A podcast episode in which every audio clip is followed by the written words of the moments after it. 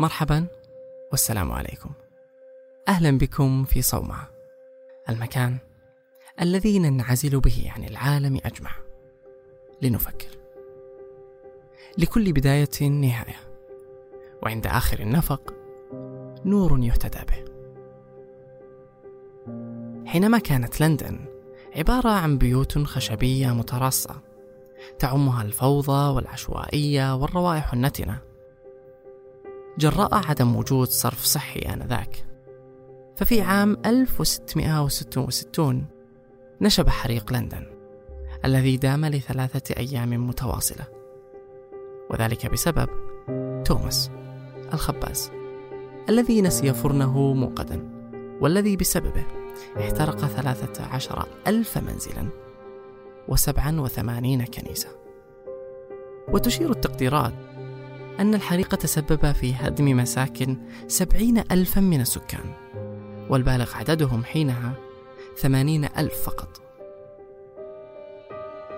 كما أنه لم يحدد عدد الضحايا والوفيات.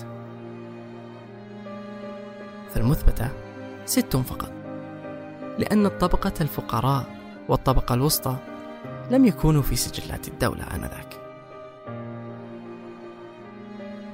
وفي عام 1914 بدأت الحرب العالمية الأولى أو كما يسميها أهل ذلك الوقت الحرب العظمى.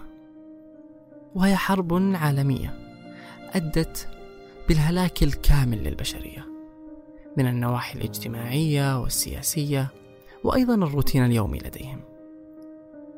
حرب والجميع يدرك سوء ذلك لزيادة الموتى والأمراض وغيرها.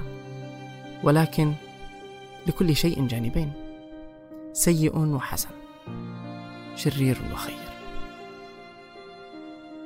فبعد تلك الحرب التي أفنت حياة أكثر من ثمانية ملايين شخص وإصابة ما يزيد عن العشرين مليون وخراب المدن وهلاك الزرع والحرث. ذلك الجانب السيء الطاغي على كل شيء حسن. له نصف وجه آخر. الوجه الذي نقل البشرية من على ظهور الخيول إلى متون الطائرات محلقين في السماء. والدماء التي كانت علامة للموت أصبحت وسيلة أحياء وذلك بفضل بنوك الدماء التي أنشئت ولأول مرة بعد الحرب. ووصلوا إلى قيعان البحر داخل رحم الغواصات التي أنارت ذلك العالم المعتم.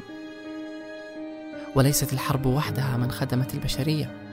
فحتى حريق لندن له فضل مقومات السلامة في البيوت الآن. وأصبحت مهمة إخماد الحرائق وظيفة مستقلة بدلا من أن تكون إحدى مهام حراس المدينة. فالسؤال الحقيقي المطروح الآن هو هل الموت هو أول خطوات الازدهار؟ أم رخاؤنا هو الذي سيحثنا على التقدم؟ أدمعة المسكين حينما يقسم على الانتقام أهي خطوة للأمام أم ستحولنا إلى آلات حرب؟ فهل الدموع جالبة للحروب أم الحروب جالبة للدموع؟ شاركونا تقييماتكم وتعليقاتكم في حسابنا على تويتر ولا تنسوا التقييم. وشكرا على حسن استماعكم. thank you